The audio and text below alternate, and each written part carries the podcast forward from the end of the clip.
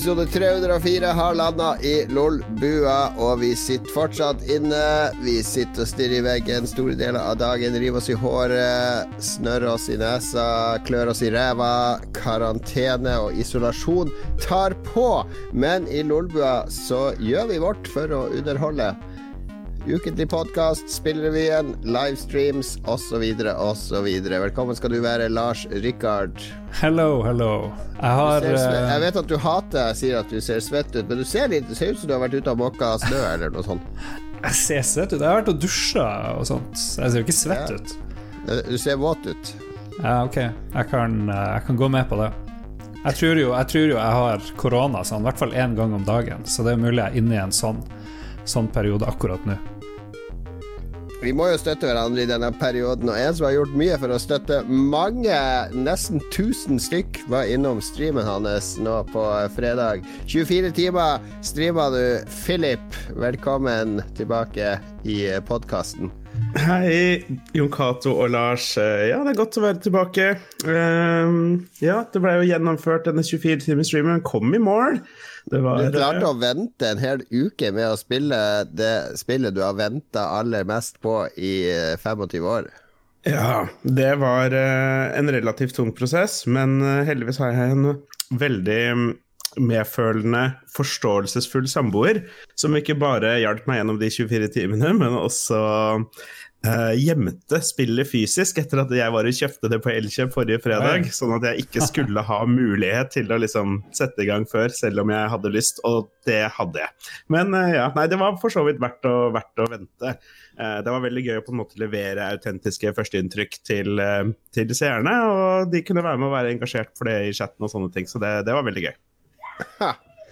Ja, og innfridde spillet da, eller har du, ikke, har du ikke klart å synke inn? Blir du så opptatt av Når jeg streamer, så tenker jeg jo alltid at jeg er jo en performer. At det er en slags performance. Det, det høres litt, kanskje litt pretensiøst ut, men jeg tenker jo på at jeg har et publikum, og at jeg skal liksom eh, Jeg skal ikke bare sitte og ta inn og Det er ikke bare meg å spille, men det er meg å spille og et publikum som helst skal bli litt underholdt. Ja, det, det er jo definitivt noe. Det er noe som gjør at uh, jeg syns det er gøy å streame litt sånn generelt sett, fordi det kommer litt naturlig for meg. Eller liksom, jeg bare sitter der, og så følger du litt med i chatten, og så snakker du bare om ting.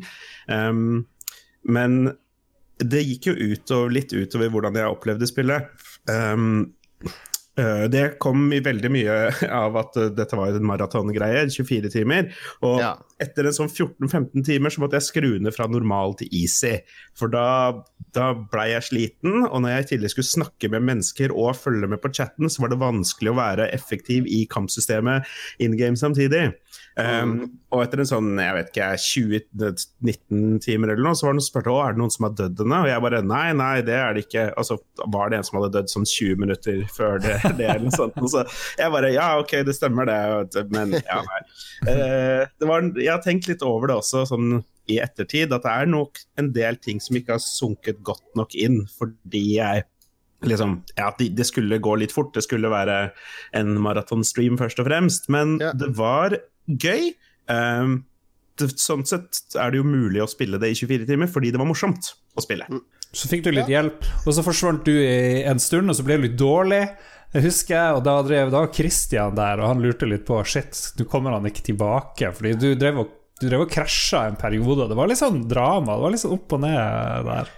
Ja, det, var en, det gikk sånn i rykk og napp. Eh, Ja, jeg må nevne Tusen takk for all hjelp til dere begge to og resten av Lolbua-redaksjonen. Eh, til hjelp og gå- godt å få litt pauser. Og vi hadde masse gjester også som hjalp til med å liksom bare prate og holde det i gang. Men det, det var den perioden jeg var mest nervøs for, fra liksom fire på natta til åtte om morgenen. Den perioden var ganske tung. Eh, da bælma jeg ganske mye kaffe.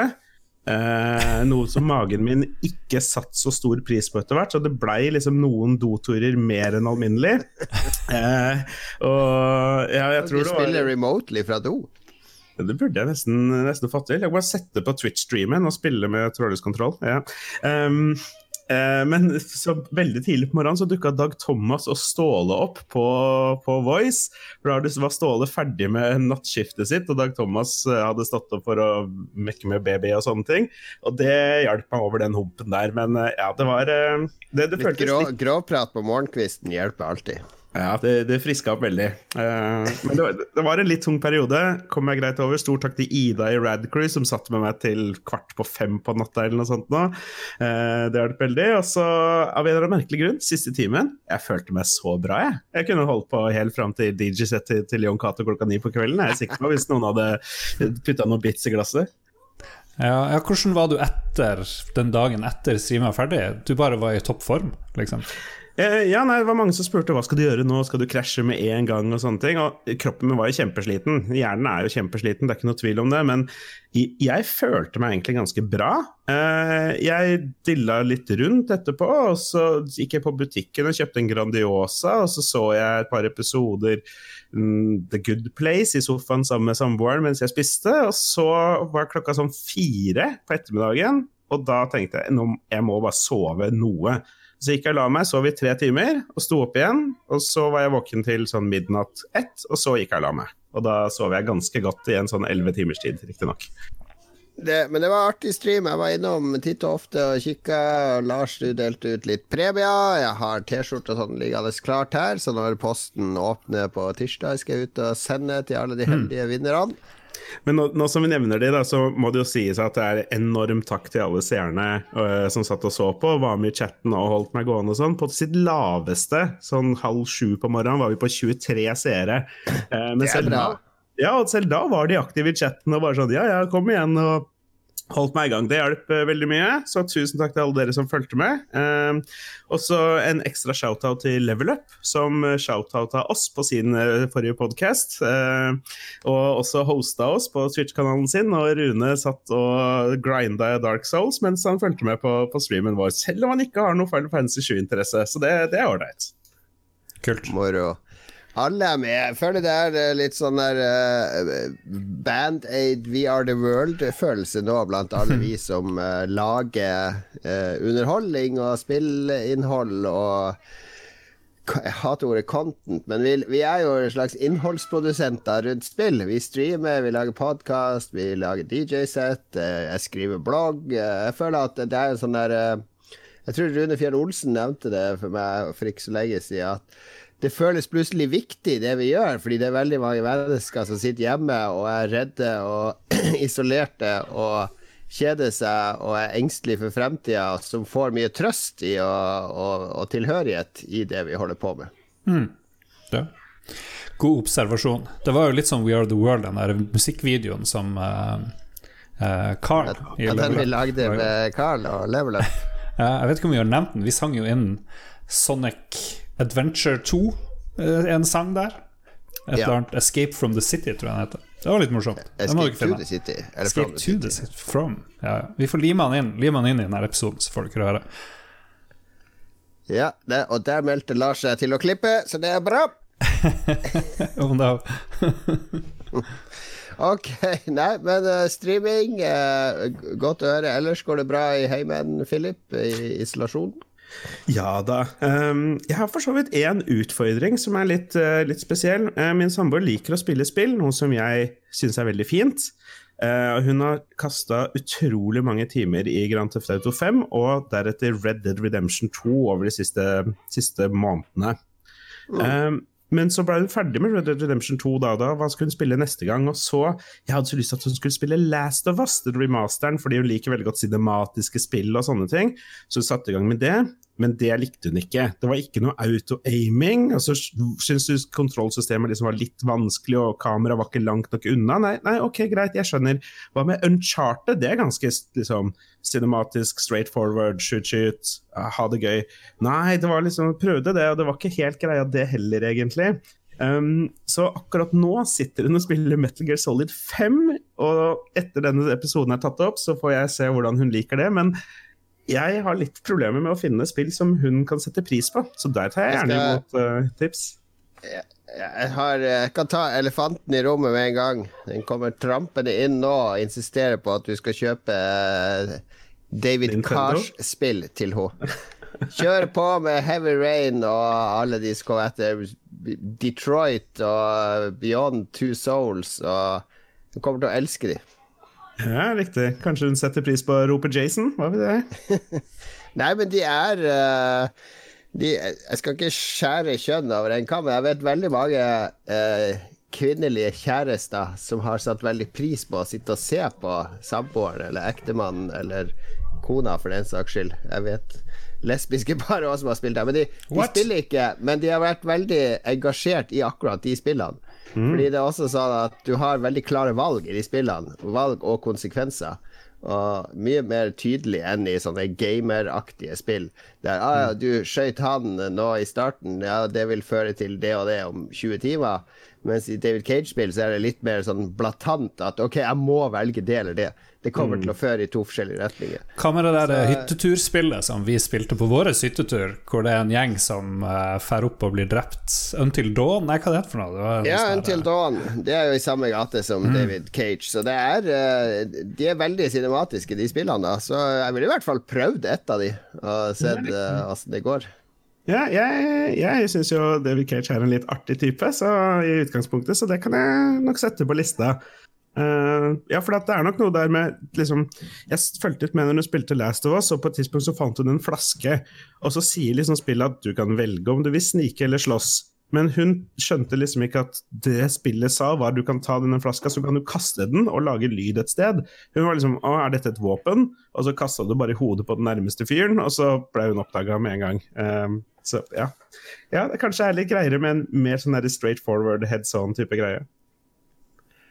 Yes. Uh, Lars, du har uh, Først så har du uh, kopiert min, mine treningsambisjoner, for jeg har jo hevet meg på NTNU syv ukers treningsprogrammet. Ja. Uke én er gjennomført nå.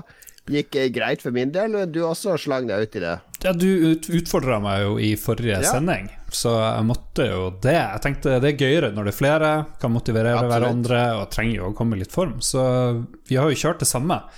Mandag så var det sånn veldig lett intro. Jeg så du slet litt, for det var noe sånn Ja, jeg sprang jo på som en gal med en gang jeg skulle begynne på de fire minuttene, så jeg holdt på å kaste opp etterpå. ja, for du skulle bare varme opp, og så skulle du ha litt sånn hard, kjempeintensiv eh, makspuls, nesten. Og det, det jeg, jeg tok kanskje det litt Kanskje litt med ro, mer enn du gjorde, men det var liksom den ja. første dagen var grei, og så var det noe, noe styrketreningsopplegg. Uh, ja, det var litt sånn lett jogging i ti minutter, og så styrkeøvelser. Mm. Ja, på onsdagen. Og så fredag var jo to sånne mandag fire minutters økter, da. Ja. Nei, så det gikk overraskende bra. Så, men, men bøygen kommer jo i uke tre, fire, fem, tipper jeg. Det er da, da vi får se om vi klarer å holde, holde ut der. Jeg har, eh, jeg har også trent, og så har jeg også trent utover det programmet. Jeg hadde en sykkeltur helt til Bygdøy i Oslo fra Lambertseter. Det er et godt stykke, det er liksom på andre sida av byen.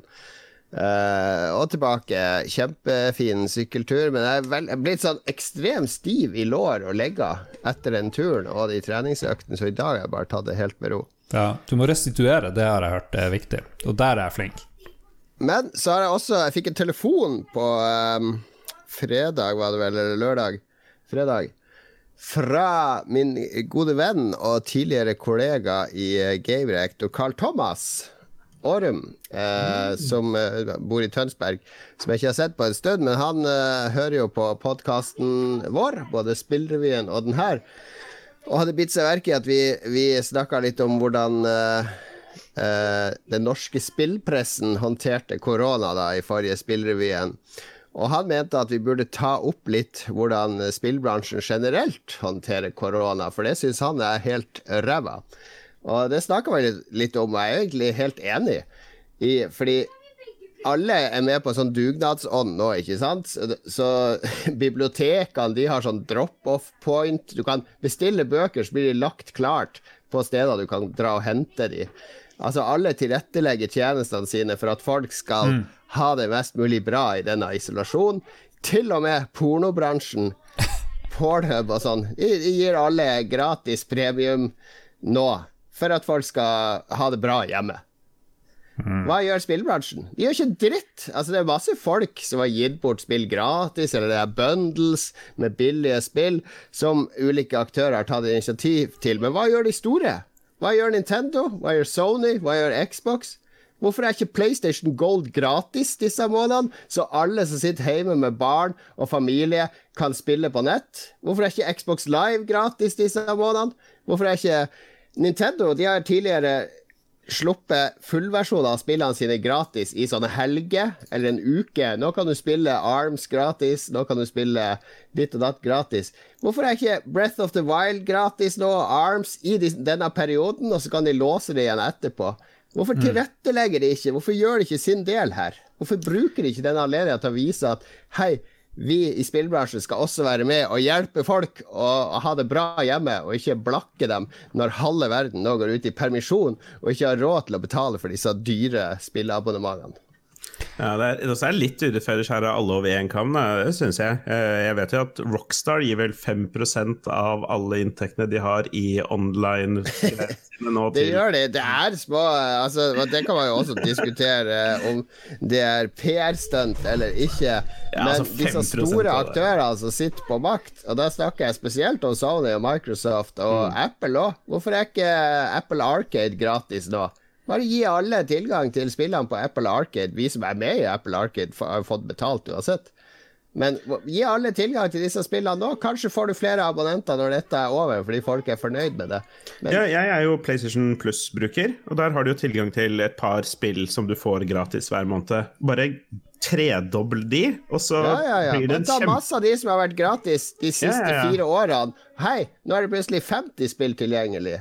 Mm, vil, ja, nei, det hadde vært både en bra måte å få folk til å signe opp på, og som du sier, antageligvis få de til å bli eh, i, etter, etterkant. Det er jo nesten merkelig at ikke flere utnytter den businessen. Ja, og, det, og det som Carl, Karl Thomas sa til meg, at det, det, være, det, er jo direkte flaut at pornobransjen eh, har bedre eh, er mer uh, i front og er bedre tilrettelegg for dette enn spillbransjen klarer å gjøre. Det er jo sånn at det var mangel på Nintendo Switch nå kort tid etter at koronakrisen oppsto, for det var så mange som, eh, som, som kjøpte de. Men jeg ser jo at Nintendo har donert eh, maske til korona-efforts. Sony har donert 80 millioner pund osv. Så, videre. så det er, jo, det er jo mange måter å gjøre ting på, annet enn å gi gratis abonnement. Men som et synlig og synlig Å gjøre ting lettere. Og ja. dere kan jo sitte hjemme og runke til Pornhub hele dagen og se på Netflix døgnet rundt, men det sitter faktisk folk hjemme med unger nå. Jeg betaler to PlayStation Plus-abonnement for mine to barn. Uh, og det er sikkert masse familier som hadde satt pris på at barna Sånn de kunne laga en barnebundle. Her er ti barnespill som vi gir gratis nå til alle PlayStation-eiere så at barna deres skal ha noe å holde på med når du sitter hjemme døgnet rundt med småunger. Det er ganske mye mer slitsomt enn å sitte hjemme alene eller med samboer, sånn som dere gjør. Ja, det, Og De fleste familier har ikke 3000-4000 å bruke på eh, fem-seks barnespill nå for å, for å engasjere ungene. Jeg skulle ønske Nintendo og Sony sendte munnkurver til bråkete ungene dine, i hvert fall, sånn at du kunne spille inn det her i fred. Ja, der ser du. Det går utover deg òg. Nei, bare, men eh, det var, var, deilig å snakke litt uh, med Carl Thomas om uh, sånne seriøse ting, ikke bare de her uh, uh, suppegjøkene i Lolbua som skal fjåse og tulle og prate sex og fjas hele tida. Endelig en seriøs aktør som hadde, hadde noen gode innspill. Koselig stemning her i starten av Lolbua 304.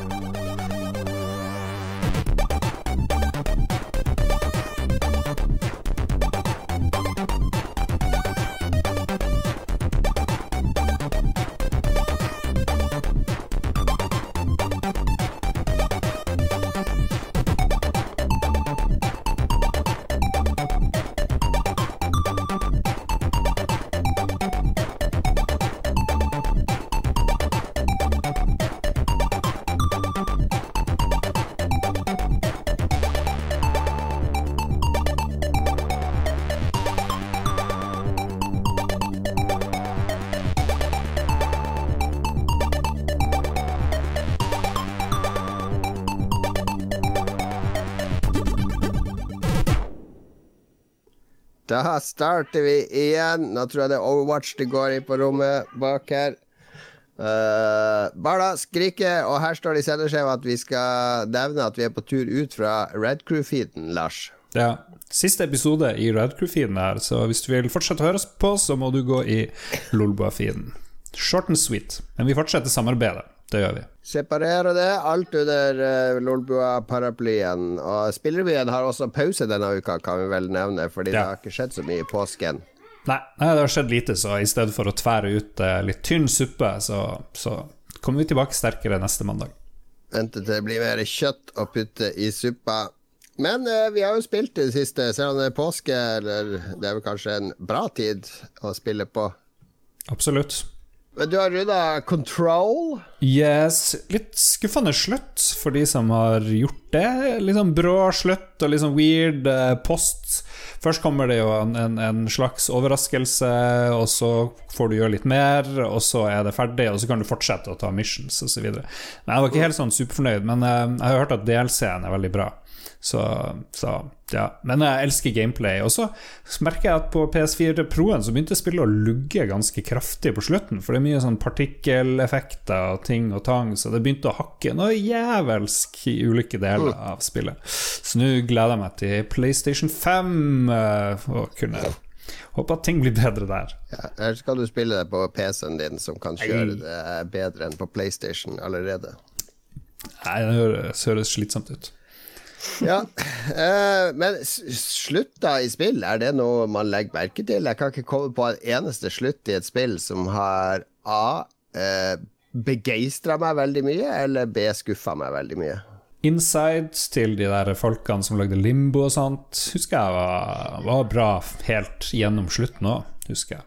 Nei, men det er et godt Jeg poeng. føler at spillet er reisen fra hele reisen, liksom. Og Ja. det er ikke så viktig hvordan Altså, et Mario-spill har aldri skuffa meg. Slutten på et Mario-spill, liksom. Nei, men hvor mye husker du slutten i ulike bøker og sånne ting, f.eks.? Ja, det husker jeg jo ganske godt. Der er jo alle Stephen King Eller 90% av Stephen King-bøker har jo en dårlig slutt. Det legger jeg faktisk merke til. Det er fordi oppbygginga er så fenomenalt bra at uh, han, klar, han topper det for tidlig. Men i spill så er det sånn som å protestere på Mass Effect 3. Jeg fatta ikke grunnen til Det var ferdig, ok. Men jeg har jo hele reisen min, er jo det som er viktig. Ikke Ja. hva, som Nå er det rulletekst eller whatever. Nå, nå, dør, nå døde hovedpersonen. Å nei! Nei, hele min reise er umyndiggjort! Nei, eventuelt når det skjer litt inne i Red Dead Redemption, så dør jo hovedpersonen et godt stykke før slutten, og det tror jeg var mer impactful, at du liksom fortsatte å spille i den verdenen uh, i etterkant.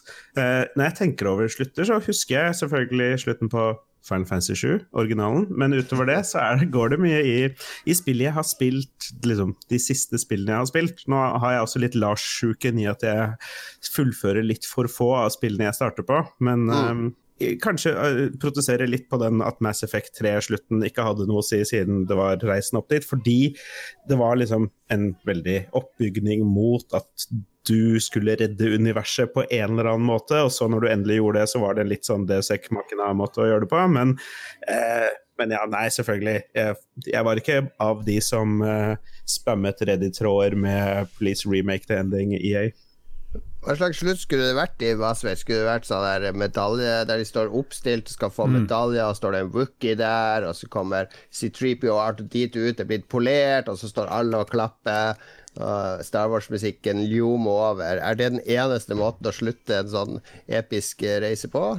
Nei, jeg, nå husker ikke jeg Mass Effect så godt som jeg burde, kanskje. Men jeg, jeg føler jo at prosessene gikk på at du hadde på en måte tre valg. Hvordan vil du ønske å redde universet? Og uansett hvem av de du valgte det, så var det egentlig ingen praktisk eller, eller ja, det var en teoretisk, men ikke en praktisk liksom, implikasjon på verdenen, som du heller ikke la merke til, for spillet var jo bare ferdig. Ja. Og, ja, så det føltes veldig antiklimatisk, da, for så vidt. Høres veldig Werner Herzog ut. Husker du ac- you think your actions have consequence, but the universe is cruel and chooses its own path. Husker du ikke Portal 2-slutten? Der er det jo De er jo veldig flinke å slutte. Der står de og synger til deg og seren, gir deg en serenade når rulleteksten går. Og, Ja, men det er sånn Det post eh, Det er ikke, det er ikke ja, fortsatt spillet, liksom. Tviler tvilen det. Ja. Men så er det vel også sånn, uh, tenker jeg som spillutvikler, og da snakker jeg ikke på vegne av de spillene vi lager, men uh, du vet at under 10% av de som kjøper spillet, kommer til å se det her. Ja. De fleste gir seg midtveis av en eller annen grunn.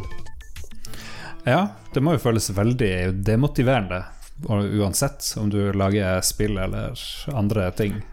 Ja. Det minte meg på noe som ble tatt opp under, uh, under den streamen. At vi hadde to gjester, både Ida fra Radcrew og Erling fra Spillmatic, som hadde spilt uh, Final Fantasy 7, men aldri fullført det fordi siste bossen er vanskelig. Og så har de liksom spilt opp til det, og da nå realiserer jeg at det er sånn fem minutter med FMV-er som avslutter spillet på en helt fantastisk måte som de aldri, aldri har fått sett. Men uh, det er kanskje ikke like mye av det i spill nå lenger som det det en gang var. Det er sant. Snakka oss helt bort der nå. Jeg har et spill som uh, har en veldig bra slutt, som jeg har spilt nå uh, faktisk i hele dag, nesten. jeg begynte på fresh start på Super Mario Odyssey, fordi ryktene skal jo ha til at i år så skal det gjenutgis en hel haug med Mario-spill til Switch. Vi snakker Super Mario Galaxy, som opprinnelig kom på Wii. Uh, Super Mario Sunshine, som kom på GameCube. Uh, sikkert enda en remake av Super Mario 64, kan jeg tenke meg. Men uh, det skal liksom bli Jeg tror alle Nintendo sine store team er på nye store prosjekter. Breath of the Wild 2 osv. osv.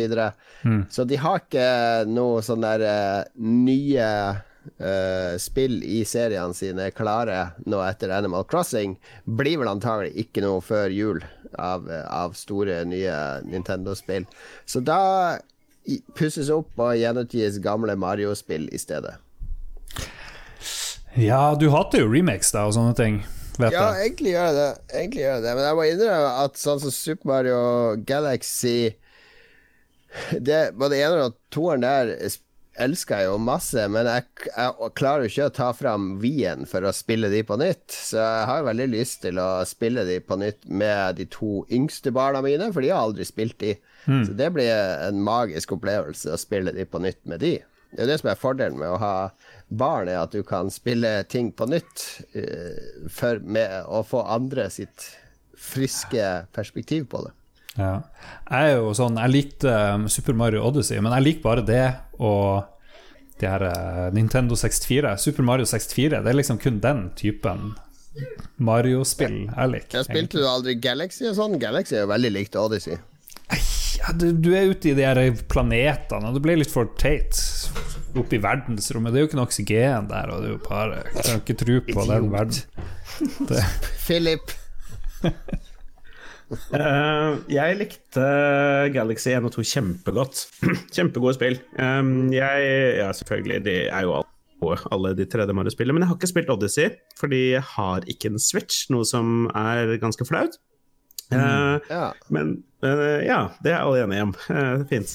Um, men jeg, det at de blir utgitt på nytt igjen, det er noe som da i utgangspunktet ikke, ikke, ikke engasjerer meg da så veldig. Men det er jo en enda bedre grunn til å faktisk se på å anskaffe en Switch på en, et eller annet tidspunkt. Uh, men enn så lenge så har jeg mer enn nok med å konsollspille PlayStation 5. Uh, jeg ble ferdig med PlayStation 4, mener jeg. Beklager. Vi tar det en gang til. Men enn så lenge så har jeg mer enn nok med å konsollspille på PlayStation 4. Jeg ble ferdig med God of War her uh, for litt tid siden, og da har jeg kasta meg på Spiderman etter det. Uh, har det noen av dere vært borti det? Jeg spilte ti minutter, et kvarter, og så ja, mindre enn det, så ble jeg dritlei. Hæ? Det der du skal springe ned og skal du brawle og slå og herje. Og det er jo det samme i de her uh, Batman-spillene, men der syns jeg det var liksom kulere. Jeg liker Batman mye bedre enn Spiderman, muligens. Ja. Ja, jeg har styrt unna det spillet, for jeg vet jeg kommer til å mislike Jeg misliker det third person brawler-spillene. Jeg likte første Batman, men så ble det bare drit. Og så det, har det det floaty-kampgreia med du liksom Det er ikke Dark Souls, for å si det sånn. Det er ikke noe risk eller noe i kamper. Det er litt sånn der eh, kreativ button meshing. Da vet vi det. Musikk, musikk, musikk. Men, uh, jeg, jeg, jeg, snakke ferdig! jeg jeg syns for så vidt den, den Batman-biten er litt, er litt Den sammenligninga skjønner jeg, fordi det ble litt sånn Guitar Hero til tidspunktet. Det var vel sånn derre knakk, trykk, trykk, trykk, trykk, trykk, trykk for å liksom slåss. I Spiderman er det hakket mer dynamisk, men det er fortsatt liksom bank på noen, og så ser du et lite ikon som gjør at nå må du dodge, og så dodger du, og det, det er Hater det. Hater de ikonene som sier at Ja. jeg skal dodge. Det er relativt. Det som gjør dette litt morsomt Batman for min del, er at um, Eller i hvert fall det kan stemme, er at du får jo så mange måter å slåss på etter hvert, med liksom det å være Spiderman og ha alle disse webbene og små gadgets og sånne ting, som gjør det litt friskt. Eh, men først og fremst så syns jeg det er kjempegøy å bare svinge meg rundt i New York. og Svinge seg kjempehøyt og gjøre triks og Nei, det, det er egentlig ganske ålreit. Jeg har ikke kommet veldig langt ennå, så det kan hende jeg går litt lei av noe som jeg er litt redd for er en relativt repeterende oppskrift på spill enn så lenge. Men um, et annet spill som jeg plukka opp igjen pga. lytterne våre, Divinity Original Sin 2. Um, de hadde lyst til å sette i gang en ny multiplayer-session nå i påska, så derfor gjorde vi det. Uh, det har vært for så vidt ganske artig. Eh, jeg har aldri fullført det spillet, så det håper jeg, jeg håper å komme et godt stykke med den gjengen nå. Eh, så det kan jeg for så vidt anbefale som sånn påske-multiplayer-fun. Uh, og så har jeg vært så heldig å få tak i en betakey til Valorant, som er Riot sitt, uh, sin Overwatch slash CS eh, slash FPS andre spill. Ja, Killer. ja, ja, den er meget ettertrakta nå. Ja, der eh, må man jo sitte og se på Twitch-streamer i time etter time etter time. Ja, ikke Eh, vis noe til Lars, for jeg kommer til å påpeke at det er noe urealistisk. Det er ikke vitenskapelig fundament. Eh, ja, nei, jeg vet ikke hvor mye folk kjenner til det. Det er jo en, eh, en eh, FPS-brawler-aktig type greie. Jeg har ikke spilt det kjempemye ennå, men det virker for så vidt uh, litt ålreit. Jeg er litt, litt, spent på, litt spent på hvordan det utvikler seg, mest fordi uh, jeg syns det Eller det kan se ut som en fremtidig e-sport, og det syns jeg alltid er spennende. De, har jo prøvd å gjenskape CS på en måte som eh, Jeg prata med sønnen min om det, for han er jo CS-spiller, min sønn på 18. eh, og eh, sånn som han forklarte det, og nå er jeg litt på tynn is på det tekniske, men han forklarte at de har en sånn der eh, um, det er et sånt fundament i det spillet med Jeg husker ikke hva han kalte det, kliks eller noe sånt. ting. Altså Vanlige sånn online-spill, de har så og så mange eh, Et eller annet med hvor synlig du er på kartet.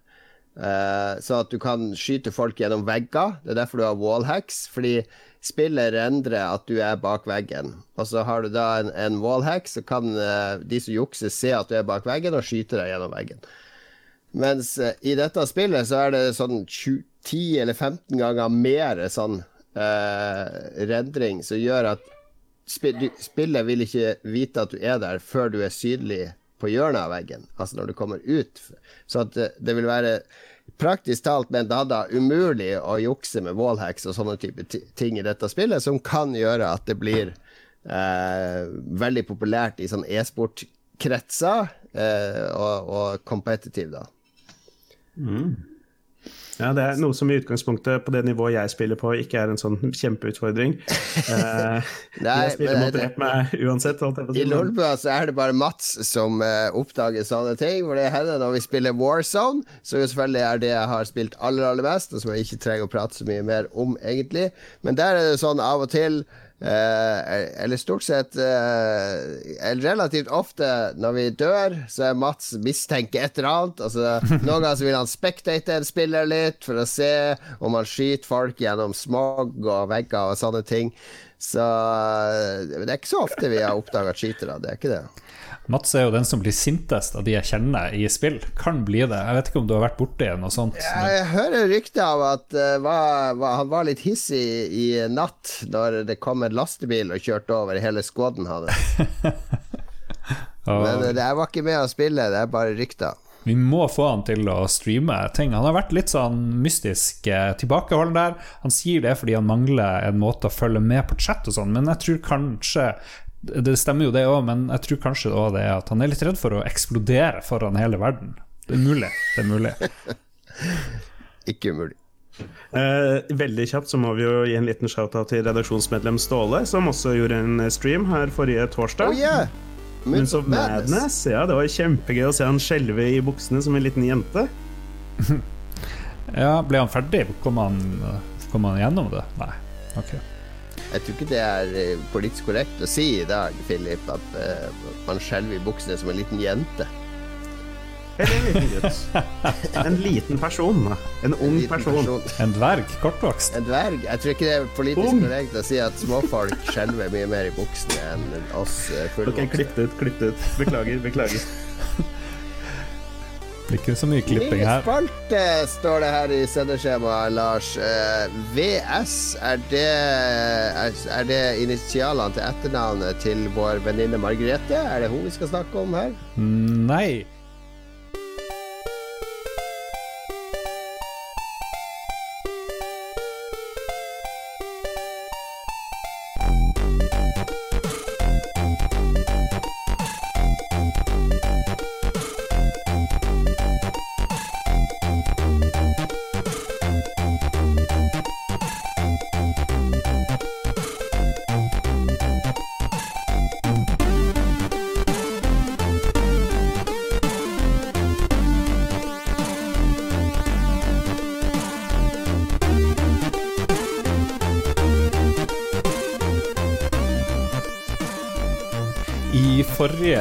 Uke, nei, to uker siden og tre uker siden, så flere ganger har Håkon Puntervold, en fast lytter, kommet med et spørsmål hvor han ville at vi skal diskutere Nintendo versus Sega.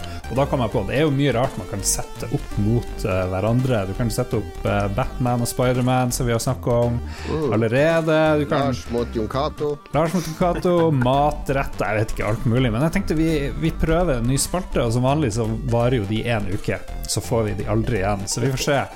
Vi kan ta den der Nintendo versus Sega, da. Så får vi se om Puntis eh, sin greie er. For vi har spart det da til du var tilbake, Jon Cato. Fordi det er ingen som eh, Eller Det er ingen som har sterke meninger, bortsett fra meg.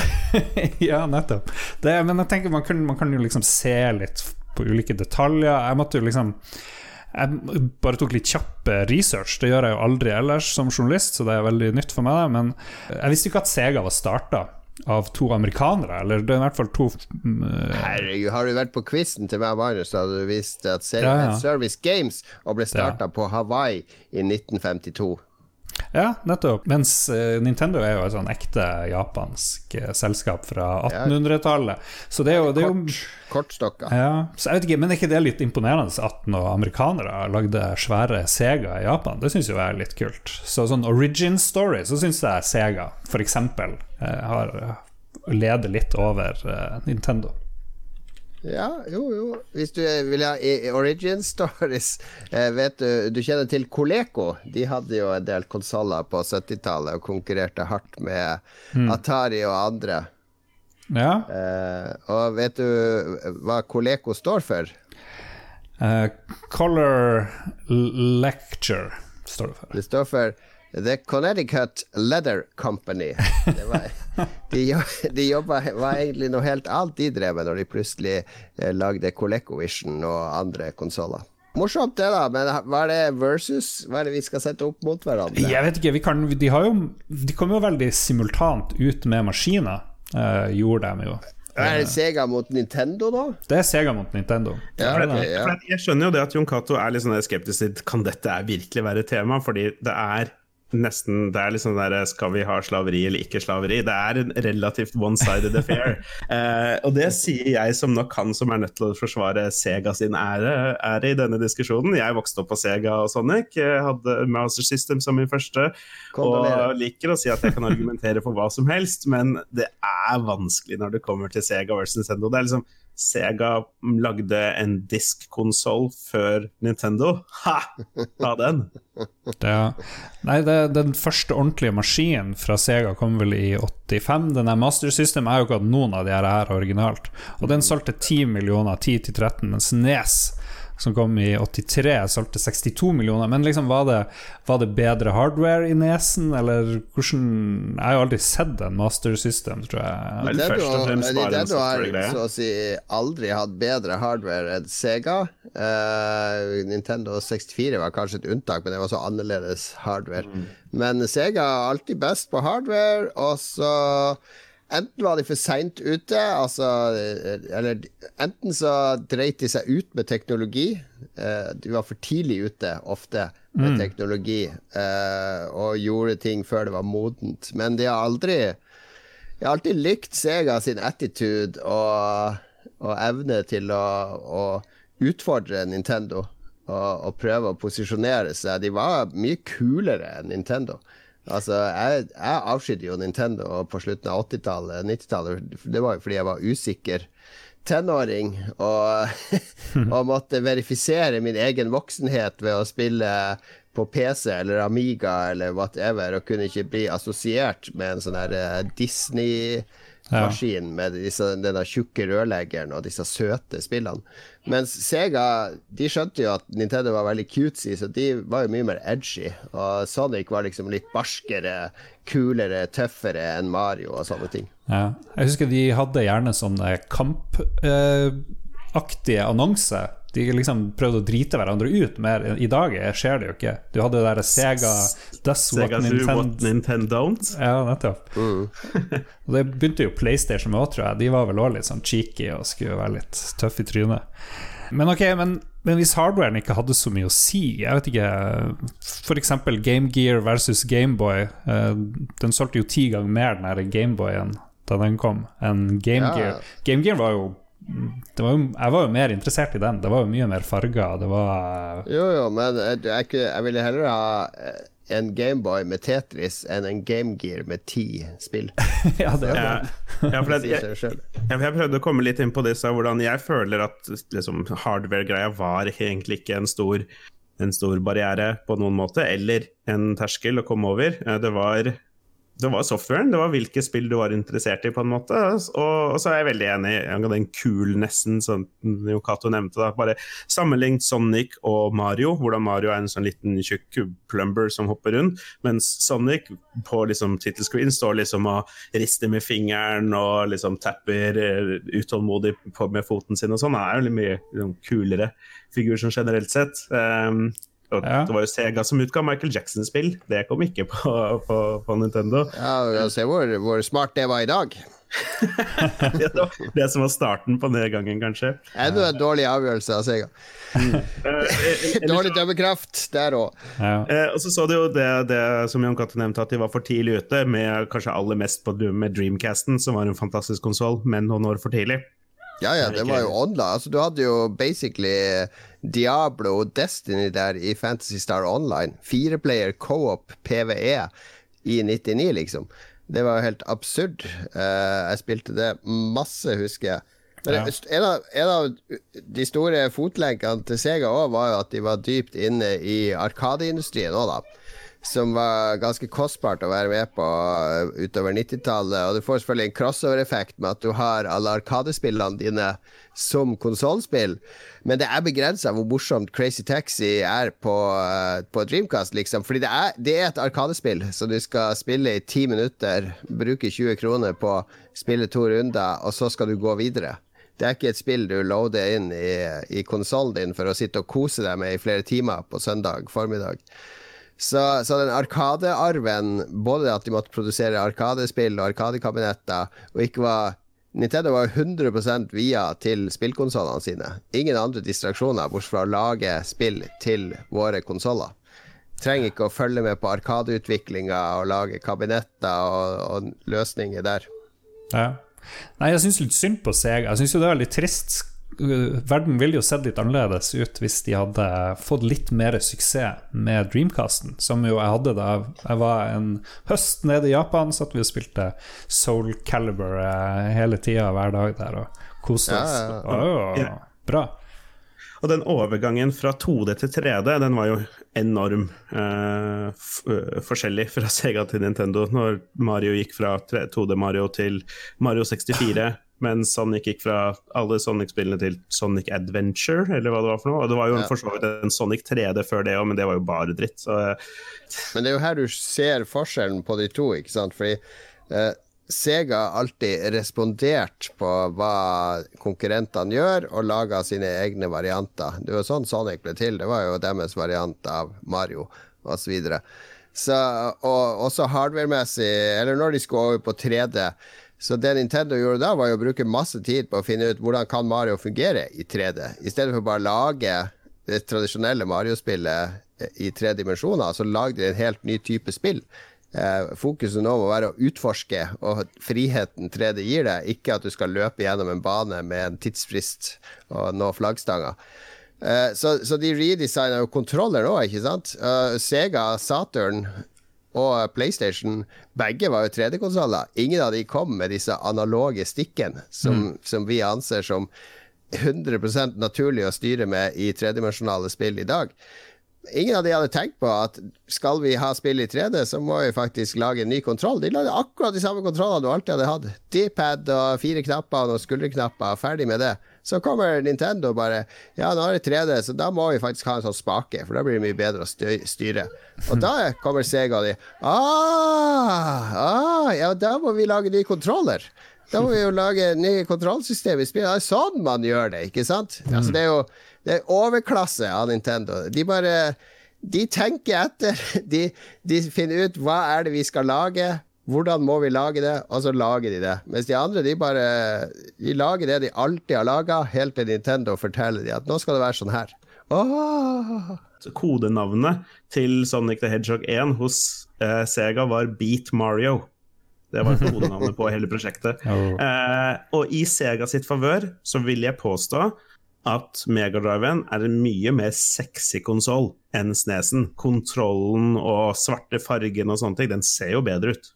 Ja. Så er det jo lett å glemme at uh, Nintendo går i en berg-og-dal-bane. De var de var ikke så godt mottatt, den der eh, Nintendo 64-en, egentlig. Det var jo kjempedyre spill, og det var jo det, det, tok ikke helt av der. Og så har du Wii U, som jo ble en skikkelig flopp, f.eks.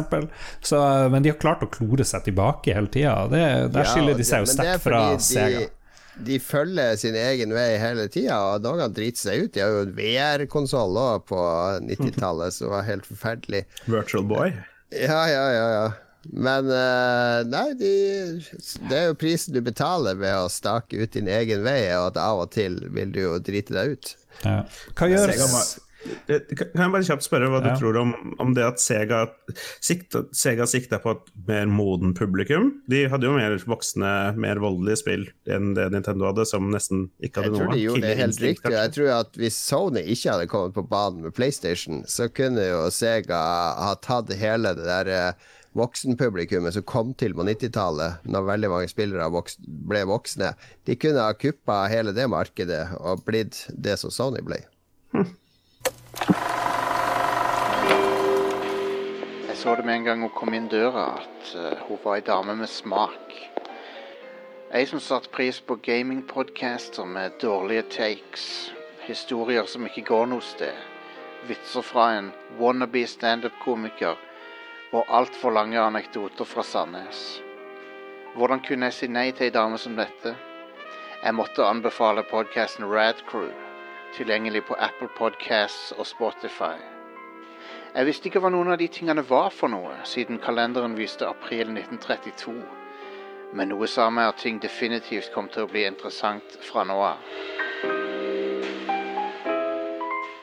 Ukens anbefaling skal vi få på plass nå, for vi sitter fortsatt isolert, og vi trenger ting å gjøre i isolasjonen vår. Og jeg ser, Philip, at du har tatt fram et brettspill som helst bør være flere i sosialt lag. Går det her an å spille over nett, eller det, skal man vente til man kan møtes igjen? Nei, dette er definitivt mulig å spille over nett. Jeg har gjort det også, men eh, det er et av de brettspillene som definitivt fungerer absolutt aller best i, i person. Eh, jeg vil ikke anbefale det å spille det bare sammen med samboeren din. Eh, det, det, fordi vi skal snakke om secret Hitler. Um, ja.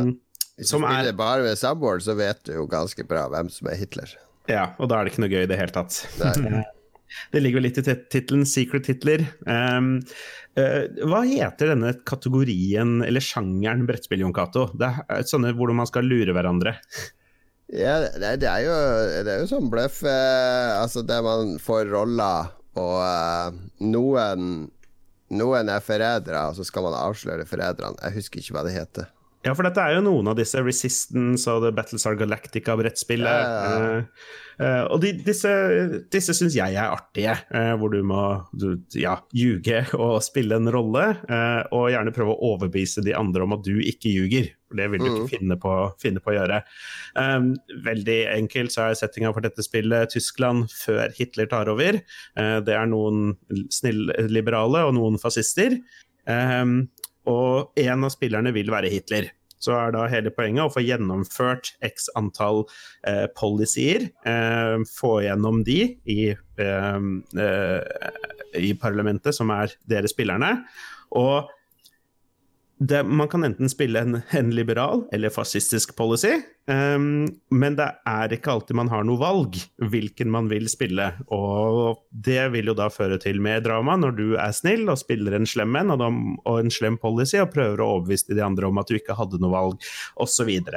Um, spillet avsluttes hvis uh, fascistene er i kontrollen senest i spillet, eller Hitler blir valgt til, uh, til kansler eller visepresident uh, etter et bestemt tidspunkt. relativt straight forward når man først kommer seg inn i det, men et av disse veldig artige spillene hvor man skal ljuge i beste velmening. Jeg vet at du har spilt uh, Jay-Z, jeg har ikke prøvd det, men uh, jeg tror Mats har Jeg har spilt det. Jeg, jeg, jeg, syns sånne spill er artig å spille én runde i, under vorspielet, men å ha sånn tre-fire sånne sessions etter hverandre, da blir jo helt utslitt. For du skal sitte og følge med på folk. Og så er det noen jeg foretrekker å spille det mer med enn andre. Jeg foretrekker å spille det med sånne hardcore brettspillere.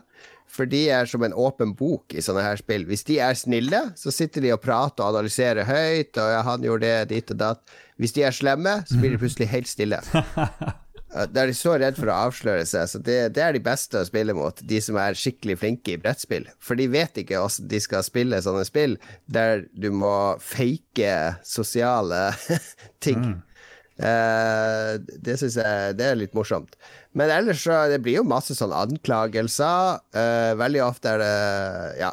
Jeg syns det er gøy. Jeg liker Resistance og Avalon litt bedre, for de har litt sånn uh, mer mekanikker du kan leke med, spesielt i Avalon. Det er basically Resistance, bare det foregår med Merlin og sånn. Der har du én rolle som er Merlin, og Merlin han får se hvem alle de andre er. Han er en av de snille. Han vet hvem de slemme er. Men hvis de slemme avslører hvem Merlin er, så har de vunnet. Så Merlin sitter med all informasjon og må prøve å overbevise de andre snille om å gjøre de riktige valgene, uten at han er så tydelig at de slemme skjønner at hm, han her må være Merlin. Det er, det er veldig, veldig kjip og utfordrende rolle å ha. Riktig. Hva, hva heter det? Avalon? Det heter Avalon. Det er laga de samme. Det er en spin-off av Resistance. Ja, så ja. det er liksom Arthur sine knekter, og så er det tre slemme, og ja. Samme som alle de greiene. Men ja. Eh, god anbefaling. Secret Hitler. Veldig artig spill. Jeg vil bare nevne at man må være litt forsiktig med hvem man spiller det med. Eh, jeg hadde en brettspillgjeng som vi ikke spiller det med lenger, fordi man etter hvert begynner å kjenne hverandre igjen, spesielt han ene. Jeg skal ikke nevne det ved navn Thomas, men når han trakk et kort, så kunne du bare følge med på han og lese på ansiktet hans hva han fikk, fordi det bare var det er så tydelig. Og så ble han sur på oss fordi vi metagama det og sånne ting. Um, I tillegg så var det et firma som inviterte på brettspillkveld, og jeg stakk dit, tok med meg det spillet. Vi spilte et par runder relativt sent på kvelden. Og det ble ikke sånn kjempegod stemning. Eh, jeg jobber ikke der i dag. Det, ja.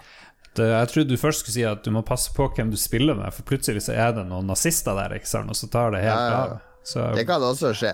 Jeg nekter å være med om ikke jeg får være Hitler eller fascist.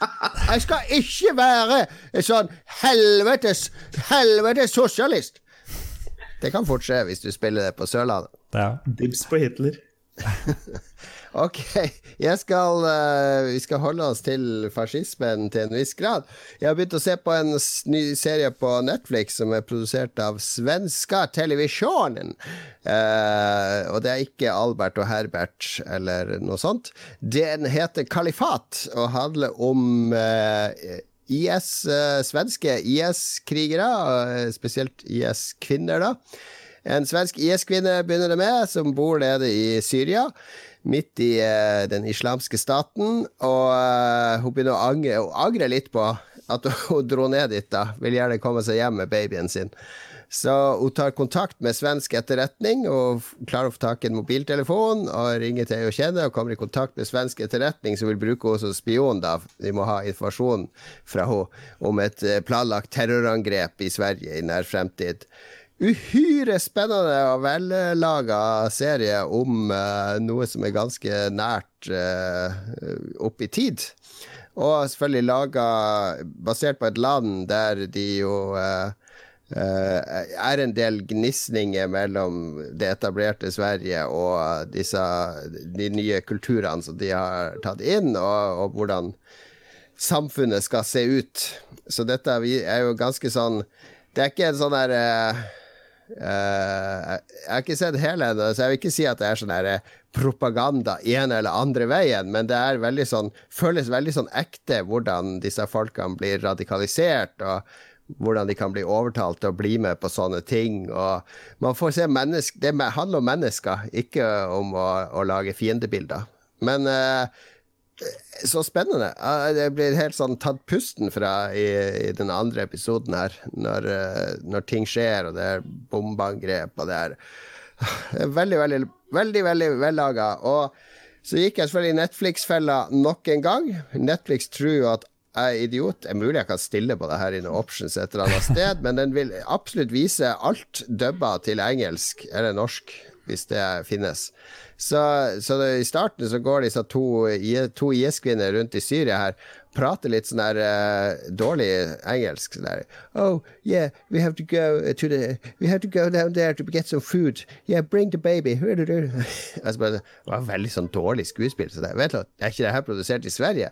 Så altså, ah, så må jeg velge svensk originalspråk 5-1. Og da var jo, var jo norsk hun ene. En sånn norsk IS-kvinne og en svensk. Da prata de norsk og svensk med hverandre nede i Syria, plutselig. Hmm. Så akkurat det samme skjedde når jeg så denne hullet der de prater engelsk i stedet for spansk. Jeg vet ikke hvorfor Netflix gjør det. Jeg blir provosert. Hmm. Men Kalifat heter serien, ligger på Netflix nå. Anbefales som eh, isolasjonsunderholdning. Jeg skal anbefale The Circle, som også er en Netflix-greie, og det er trash på Det er reality-drit, det der. Herregud. Jeg så en halv episode. Jeg ble helt Jeg, ble, jeg fikk lyst til å knuse på, ut og banke noen da jeg så de greiene. Snakk til meg. Lars, Lars, ja. Lars, dette går bra.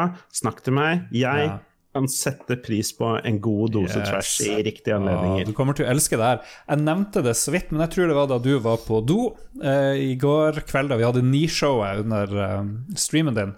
Og da kom jeg med en fantastisk godbit, og det er The Circle. Det finnes flere land som har ulike versjoner, men det er jo selvfølgelig USA-versjonen eh, som jeg først fikk med meg, som jeg har sett, og det er magisk. Det er et hus og så er det en haug mennesker, så får de hvert sitt rom i huset. Og de kan kun kommunisere med hverandre. Det er jo på en skyskraper. Det er jo leiligheter de får. Ja, det er jo et hus likevel. og de kan kun kommunisere. Ja, når du sier hus, så tenker jeg på Terrace House.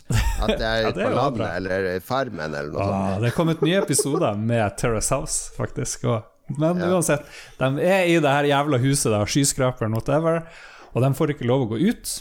De må være inne og kommunisere med hverandre gjennom sosiale medier i en slags app som heter The Circle. Og de kan kun sende tekstmeldinger til hverandre, og så kan de vise bilder av seg sjøl. Og så er det helt valgfritt om de snakker som dem sjøl, eller om de bare velger et helt sånn random bilde av noen andre og later som at de er en dame eller en mann eller whatever. Og så er det om å gjøre å være populær og være igjen til slutt og få 100 000 dollar. Og det er så flott. Det kommer inn en fyr. Han rollespiller som kjæresten sin. Jeg aner ikke helt hvorfor. Kommer inn en uh, lesbisk dame. Hun later som at hun er kjempepen, fordi hun har lyst til å bevise at folk bare dømmer henne etter utseende. Hun ryker ut ganske fort. Spoiler alert, så jeg vet ikke om det funka så bra å være noen andre enn seg sjøl. Og så er det en nerd fra Silicon Valley, en sånn her inder, og han er veldig sånn her seg sjøl og prøver å være snill, og eh, det går, det går både bra og dårlig. Og så, mm, Nå har det toppa seg, så nå skal alle møtes helt på slutten. De som er igjen i spillet, og så de som later som at de er noen andre, de må jo klare å å, å snakke de andre med på at det var en god idé å lyge dem opp i trynet i masse, masse episoder. Så nei, det er topp. Det er fantastisk. Og det er mye kleint, og det er mye emotions og mye tilståelser. Og nei, det er topp. Og så er det ikke så langt. Det er tolv episoder, that's it. Så er du ferdig. Tolv episoder? jeg tror det. Jeg tror det er tolv. Ja. Så jeg gleder meg. Etter vi er ferdige her, skal jeg se finalen. Én episode, det var helt for jævlig. jeg, skal, jeg skal gi det et forsøk, Lars, så skal jeg komme tilbake, tilbake til deg. Så jeg, Vet du hva, jeg blir så provosert av, sånne amerikanere når de skal være med på sånn reality, så låser de opp, kommer inn i sånn rom og så bare Oh my God! Oh my oh, oh, oh! De, sånn, de, får orgasme av å se et litt sånn pent innreda hotellrom. Mm. Ja, de er veldig de er, sånn, de er så helt sånn awestruck over alt. Ah, oh, oh my God! Uh, det er helt forferdelig. Ja, men du må huske at amerikanere lever jo i et u-land, praktisk talt. Og spesielt nå under korona, så er det ingen som har jobb. De har jo ikke noe sikkerhetsnett. Så for mange er jo det her et stort steg opp i Oi, nå har jeg et ordentlig hus jeg kan bo i, og så kan jeg vinne 100 000 dollar. Flere er sånn her ja, Nå skal jeg kjøpe hus til mamma, jeg skal kjøpe bil til dit og dit og datt. De der 100 000 betyr så mye for de folkene at det er helt sykt. Uh, jeg ser her på Wikipedia at uh, at the end of the ratings, sikkert hver uke, the average rating, ratings are revealed, bla, bla, bla. The two highest rated players become influencers, while the remaining players will be at risk of being blocked by the yes. influencers. ja, ja, det er helt topp. Det er helt topp. Det er jævlig 2020. det er det. Uh, jeg vet at Ida nevnte for deg denne, denne andre Netflix-trash-serien som jeg har glemt hva heter nå, hvor de er i disse små poddene og dater hverandre og ikke ser hverandre. Love is blind. Ja, ja. Det prøvde jeg meg på, men der kom jeg meg ikke mer enn sånn tolv minutter uti, og det, det, det, er for det er, det er for Nei. nei. jeg har ikke prøvd det, så, men jeg, må, jeg skal gi det en sjanse. Selvfølgelig. Du skal vel det. ja, hvorfor ser du på sånne, Hvorfor ser du ikke på Paradise Hotel, Lars? Uh, jeg vet ikke, det blir for mye. Det her er jo tolv episoder, som sagt. Paradise Hotel varer jo i 1000 år, og så må du vente en uke på episodene. Paradise Hotel er mye nærmere, det er nordmenn. Det er liksom folk som er mye nærmere det. Men det her, det her, er jo et nytt konsept. Det her er jo genialt. Folk er inne i det her huset som du hater, og må kommunisere. De prater til veggen, ikke sant. Hey, Circle, send a message to bla, bla, bla. Make a group chat with de, de og de. Altså, nei, det er flott. I Paradise Hotel så har de hatt sånn uh, russeuke, og jeg skulle ta russeknuter og sånn. Det er også gøy. Da er det skoleuke i Paradise Hotel. Jeg må innrømme, jeg, Hvis jeg hadde begynt å se Paradise Hotel, jeg hadde mest sannsynlig syntes det var ganske underholdende. Jeg har sett jeg følger med på Paradise Hotel. Jeg ser på Carl og, og, ja. og Aksel og Jamila og de andre. Ja, Hvorfor vil du ikke se et originalt konsept i stedet? Paradise Hotel, det ser så trashy ut. og, og, det prøver ikke å være noe mer enn det trashy dritkonseptet uh, som det er. Så det er en sånn ærlighet bak det. Mens det er Circle, det prøver å se Det, prøver å se så glamorøst ut, de amerikanske realityshowene. Det er bare å se på eh, Robinson-ekspedisjon versus Survivor. Bare se hele presentasjonen og alt. Survivor ser ut som en glamorøs tur på en øde øy der vi skal overleve. Mens uh, Robinson-ekspedisjonen ser jo ut som Det ser ut som en gjeng uteliggere på den der eh, øya etter noen uker. Ja. Det to uh, Altså, amerikanere skal alltid presentere det som glossy og fake, mens jeg føler det er uh, All reality er fake, men norsk reality liksom, er mer jordnært. Det er noe jeg liker med det. Jeg, jeg, skjønner litt hvor det kommer fra, og utover at jeg også har en tendens til å trekkes mot det med mest sexappeal. Så dette, dette Life is, nei, Love is Blind-greiene, de omtaler det ikke som et TV-program eller som en greie, de omtaler det som et eksperiment. Fordi oh, dette ja. er så å, noen store greier. Paradise Hotel, det er det samme jævla hotellet som forrige sesong. Ja, ja, det er Triana i en enda mer utfordrende kjole som liksom strutter med puppene sine og 'velkommen, hvem skal drikke seg dritings i kveld'? Det er hva du får. Eh, jeg har også satt pris på mine sesonger av, Paradise Hotel, selv om det, ja, det er, eh, det, er, det er, kanskje mer ærlig trash. De er yes. dumme, unge, pene mennesker. La de bare være det. Og nå har de gått fra å ha sånn fire-fem episoder i uka til å ha bare to episoder i uka. Perfekt! Går an å konsumere uten at du trenger å sitte og følge med hele tida. Så Perra, ekstra anbefaling. Følg med på Perra, folkens. Carl, Eh, hvem er det jeg heier på i år? Ingen av de, tror jeg. Når du sier Carl, så er det er ikke han Carl Aksel fra tidligere sesonger som er med igjen? Nei, Carl, Fred Carl Fredrik heter han vel. Årum? Eh, Nei, det er Carl Thomas. Ja, ok, ok. Eh, jeg, jeg heier på han han litt lubne. Han, uh, for han bruker å sitte og prate strategi mens han sitter og driter. Så sitter han naken på dass mens de andre gutta står utafor.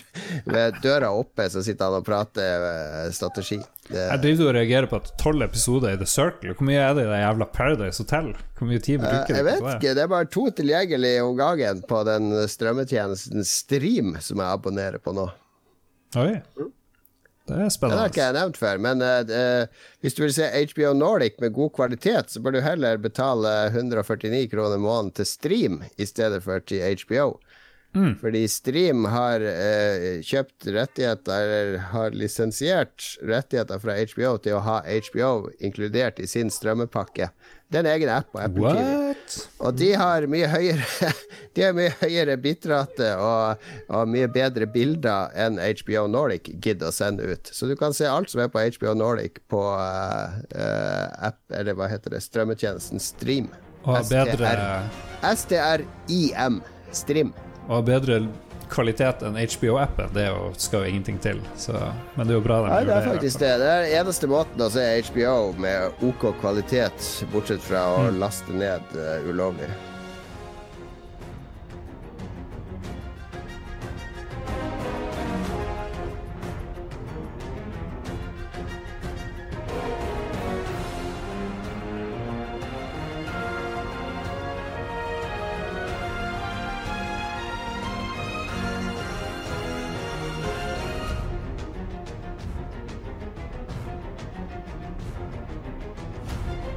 Da var vi klar for våre egne Paradise Hotel-deltakere, nemlig lytterne våre, Lars. Ja. Tok en kjapp shoutout tidligere i dag, så at vi er i gang. Åpen post. Vi hadde jo ikke noe særlig tema i dag. Kristoffer Gettoboys Hansen Leistad Han har jo fulgt med på streamen til Philip og sier at du er en helt.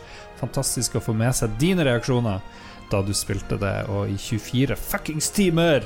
Helt rått, sier Christoffers.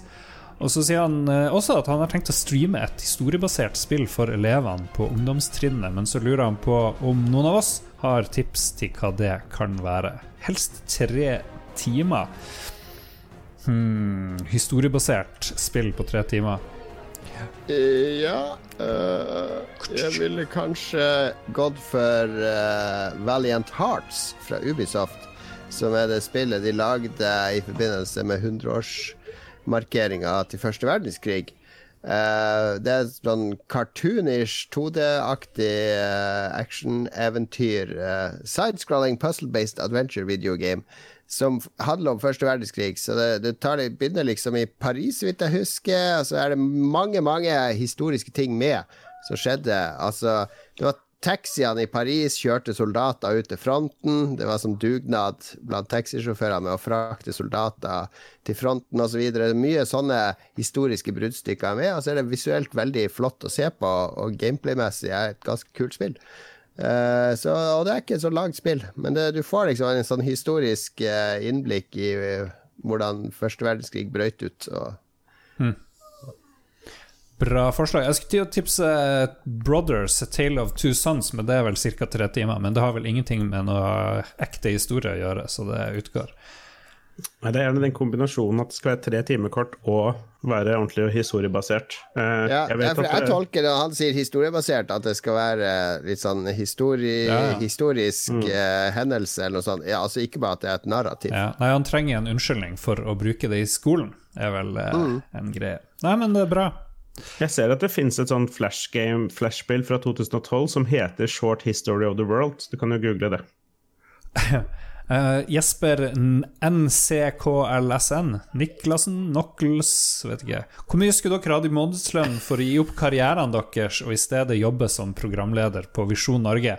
Der tror jeg vi ikke er så dyr, faktisk. Ja, jeg skulle gjort det gratis, faktisk, fordi det er lettere for en kamel å komme gjennom et nåløye enn en rik mann å komme inn i himmelen. Oi, oi, oi. Ja. Nei, men vi kunne jo hatt noe gamingshow på Visjon Norge, det. Det er jo bare Vi kunne gjort mye rart der. Jeg tror ikke dere har sett eh, nok på Visjon Norge. Ja, det er sånn kristengreier, og det ser jo ufattelig kjedelig ut. Ja, ja, men ikke bare Men de er jo liksom De har null skrupler og er helt drøye i tillegg, på en måte. De gikk jo ut og liksom Vil du ikke ha koronaviruset, gi oss to, 2020 kroner uh, for skrupler og 2020. helt drøye. Nå krysser du av mange av Lolbua sine attributter her, Ja, da, nei, det er greit nok det at det er lite jeg ikke gjør på stream for noe bits i glasset, men uh, jeg, akkurat, uh, jeg er jo veldig glad i å være på TV, og jeg tror Visjon Norge har et enda høyere seertall enn Lolbo-streamen, til og med. Eh, men det å stille opp og gjøre sendinger for de med jevne mellomrom, det tror jeg hadde vært ja, Nei, det tror jeg hadde tatt knekken på meg. Hadde det ikke vært kult hvis vi kunne Vi sendte mail til Visjon Norge, der liksom presenterer Philip, han er en kristen streamer, og han kan bli Visjon Norge sin streamer.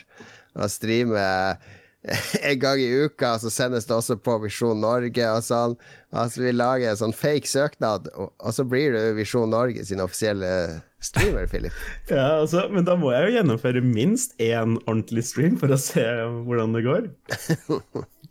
Det er jo masse bibelske, bibelske spill og sånne ting man kan spille på stream. God of War? Nei, jeg vet ikke. Det, det er kanskje feil religion. Nei, kan gjøre 24 timer med The Bible Game. Bjørn Bjelland, eh, hvis noen av oss som ikke heter Philip, skulle hatt en 24-timers stream, hvordan spill skulle det vært? Eh, herregud. det, Jon Cato, du er jo glad i Call of Duty, Warzone, det klarer du lett. Jeg orker 24 ikke å spille i 24 timer. Nei Eh, hva skulle jeg spilt i 24 timer? Det må jo være noe ganske enkelt, da. Ja, Peggle, kanskje. Peggy Jeg går for sånn her litt sånn dårlig pokerspill, eller Uno. Uno tror jeg kunne fint spilt i 24 timer. Ja, her, tror jeg dere tenker, her tror jeg dere tenker helt feil. Eh, Fordi etter time 18 med Peggle, så Nei, der tror jeg ikke du orker å plukke noe særlig mer på det. Jeg tror heller må bare sikte på et spill som er minst 24 timer langt, som du liker skikkelig, skikkelig godt. Ja Ja. Ja. Jeg liker jo ingen lange spill. Jeg kunne jo sikkert streama Control i 24 timer, men liksom Skyrim kunne du tatt, Lars. Ja, ja, ja. Det hadde blitt så langt, det lengste du hadde kommet til det spillet, den saven, hvis du hadde kjørt det i 24 timer. Men jeg vet ikke, Grand Theft Auto 5 jeg vet ikke. Det er jo et bra spill som er gøy å spille. Jeg vet ikke. Liksom, hvis du må stirre på skjermen hele tida, så blir du jo ko-ko i hodet. Du må ha noe sånn hvor du kan gjøre litt annet. Se på chatten, se ut vinduet. Final Fantasy 7 var jo greit, for det, det er jo nesten turn-based. Ikke helt, men Ja, jeg la oss ikke gå inn på det. Uh, men uh, jeg, jeg må jo innrømme at jeg har litt problemer med å komme med forslag til spill utenom Final Fantasy 7 og Final Fantasy 7-remaken som jeg har lyst til å spille i 24 timer. Uh, så ja.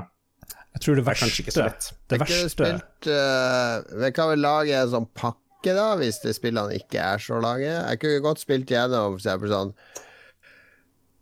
Heavy Rain, Beyond Two Souls og Detroit Become Altså David Cage 24 timers stream med tre mm. David Cars-spill. Det kunne jeg fint pløyd gjennom. Ja. Jeg tror det spillet man ikke har lyst til å streame i 24 timer, det er f.eks. Tetris-effekt, hvor du hele tida må bruke hjernen og følge med og se og rotere og sånn den tingen der. Det hadde vært oi, oi. oi. Ok, bra respons der. Erlend Nettum, snakk om Bannerlord. Det snakkes altfor lite om Bannerlord. ja. Mo- Mountain Blade 2. Vi må ha med Mats neste gang, så kan vi snakke da. om uh, Bannerlord. Ja. Men, men mens jeg da er her, kan hva Jeg har ikke skjønt hypen med Mountain Blade i det hele tatt. Hva er liksom greia? Det må du som sagt spørre Mats om. Verken jeg eller Lars er fascinert av A. hester, eller B. Eh, å ha med våpen oppå en hest. Det er det, er det jeg har skjønt. Mount og Ja, Blade. Ja, nei, jeg, nei, jeg bare har lagt merke til at plutselig er det masse folk som snakker om det som om det er en greie, og så sjekka jeg det ut, og så syns jeg det så ganske standard semikjedelig ut, egentlig. Og så, ja, I Vi, guess. må- vi må ha Mats inn her. Det her er helt fremmed for oss. Det er som å se et uh, kokkeprogram fra Senegal som lager mat med ingredienser vi aldri har sett før. Vi må ha noen som vet hva dette smaker, og hva disse ingrediensene bruker. For en utrolig dårlig analogi. Ja, det hva du har imot Senegal, tenkte jeg da, men Nei, nå prøvde jeg bare å ta et sted der det ikke skulle bli for, for dramatisk eh, eller rasistisk eller noe sånt. Jeg prøvde bare å lage en analogi om at det var helt fremmed for oss. Hva er det som er helt fremmed for oss, uten at vi fremstår som at vi har fremmedfrykt? Ehm, Tja, hva skal vi si, seiling, kanskje? Seiling? Har du ikke seilt? Ja, det, det er jo Nei. Nei. Har du seilt? Vet du forskjellen på eh, eh, styrbord og babord? Eh, høyre og venstre, ja. Ja da. Ja. Ja. Men det, dit så langt går det, liksom. Er du sånn store kaptein plutselig? Hva faen, du skal skryte på deg sånn Jeg bruker å seile i en sånn liten A-jolle hver sommer på Vestlandet, så ligger jeg alene oppi den jolla og styrer uh, uh, Hva heter det? Seile? og seile, det svinger sånn fra side til side, så må jeg stramme det og holde det mot vind og holde roret. Det heter den tingen du styrer med bak. Ja, roret. Det heter jo sikkert Du må sikkert jibbe og jabbe og du, Det er sikkert masse ord her du egentlig Skulle og jabbe og, og bobbe hele sommeren. Så. Men apropos mat, da. Hva er den beste grillmaten, spør Håkon Puntervold til slutt. Eh, senegalsk grillmat er jo min favoritt. Beste grillmaten? Det er, vet du hva? Mydlandpølse å grille dem. Det er kjempegodt, altså. Hvordan pølse er det? Tror det er noe Tromsø-selskap. De lager noen sånn skikkelig feite og bare disgusting deilige pølser. Men jeg tror de bare er litt sånn tjukke. Så hvis du Du vil jo helst ha det litt tynn, så du kan ha det i lompe eller brød eller den slags. Jeg er litt mot tjukke pølser. Jeg skjønner ikke hvorfor det er en ting engang. Er ikke det sånn band? Er KM Myrland? Har det laga pølse? M-y-d-l-a-n-d. Mydland? Å. Ja, ja. Eh, jeg liker Jeg bruker å lage spareribs om sommeren. Uh, da må du ha helt sånn rå spareribs, altså ikke sånn som er ferdig marinert. Og så tar du må du ha en sous og så må du ha masse cola. Og så fryser du cola ned, og så sous du Eller så tar du poser med den frosne colaen og spareribs oppi. Uh, og putter oppi sous. Der skal det være oppi i 48 timer. Og for da blir spareribsen colamarinert. Da får de en sånn syrlighet, og som løsner de opp i den spareribsen. Og så uh, lager vi noe marinade og har litt på. Ikke sånn for sterk marinade, og så griller vi de. Og de blir veldig, veldig gode. Den der syrligheten fra brusen i spareribsen er utrolig god. Det er min eh, favoritt på Det er grill. spennende, fordi jeg vet jo at du lager jo aldri mat, egentlig. Men grilling, det er liksom Da, da Det er den ene retten jeg har briljert med i familieselskapet, er de der colamarinerte spareribsen. Men ulempen med den er at det tar jo tre døgn å lage den. Fordi du må først fryse den colaen, og det tar noen timer. Eh, Du kan ikke ha væske oppi de her posene når du vakuumforsegler de. Ah, ja. Så det, colaen må være frossen, og så må du ha det oppi den sous i to døgn. Og så kan du ta de ut, skal helst kjøle de ned i tolv timer, og så kan du grille de. Spennende. Det er jo et flott unnskyldning når du blir bedt om å lage mat. Ja, nei, jeg lager mat. Jeg holdt på i tre dager nå. Det er Ja. ikke min tur å lage mat nå. Absolutt.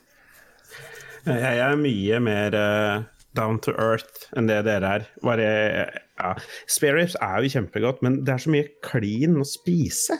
Um, Ja, ja, det, Gi meg bare en godt, en veldig godt grilla kotelett og noe potetsalat og noe god barbecue-saus, og jeg skal kose meg dagen lang, holdt jeg på å si. Ja, det var det. Åh, Ja. så Takk deilig. til våre produsenter. Åh, endelig. Herregud, jeg trodde aldri Åh, Vent litt. Å, shit, vi er fortsatt OK. Ja, jeg, jeg, jeg, tar vi det. opp enda? Ja. Nei, men uh, tusen takk for at dere hører på. Uh, som sagt i starten, vi forsvinner fra Radcrew-feeden, så hvis du hører oss der, så finn en ny feed som heter LOL-bua, og hver mandag, stort sett bortsett fra denne uka, så kommer det Spillrevyen. Så det må dere sjekke ut. Og så Philip denne gangen kan få lov å ta nevne produsentene. Vær så god. Uh, Anne-Beth, Ja, TTMXP, TTMXMP, nesten, Kobrakar, Kobrakar84. Og han som ikke har et nikk, men et navn. Fantastic. Rolf Helge Øvergård Ingebrigtsen, ja. Tusen takk. Yes. Beklager, Rolf Helge. Du vet jeg liker deg veldig godt. Sweet. Det var det. Vi er tilbake med episode 305 om en uke. Vi får se åssen det ser ut med isolasjon og sånn, da. Tipper vi fortsatt sitter inne. Kanskje Nei, bare klipp bort det. Tipper vi fortsatt sitter inne.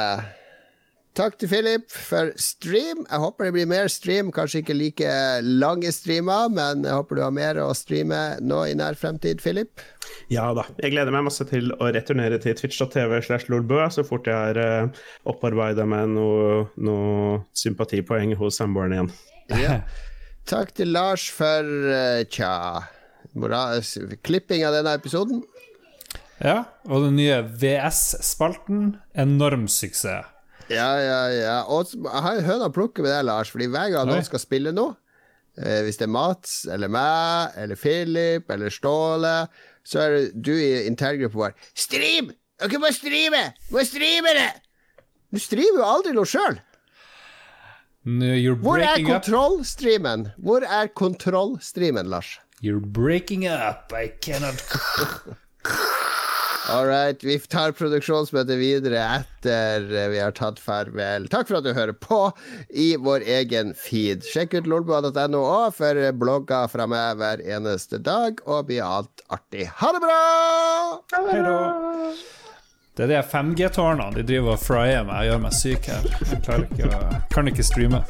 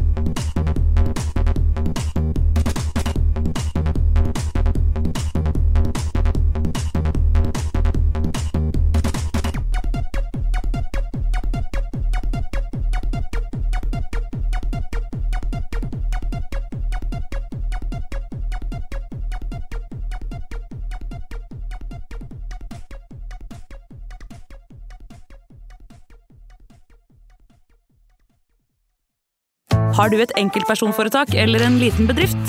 Da er du sikkert lei av å høre meg snakke om hvor enkelt det er med kvitteringer og bilag i fiken, så vi eh, gir oss her, vi. Fordi vi liker enkelt. Fiken superenkelt regnskap.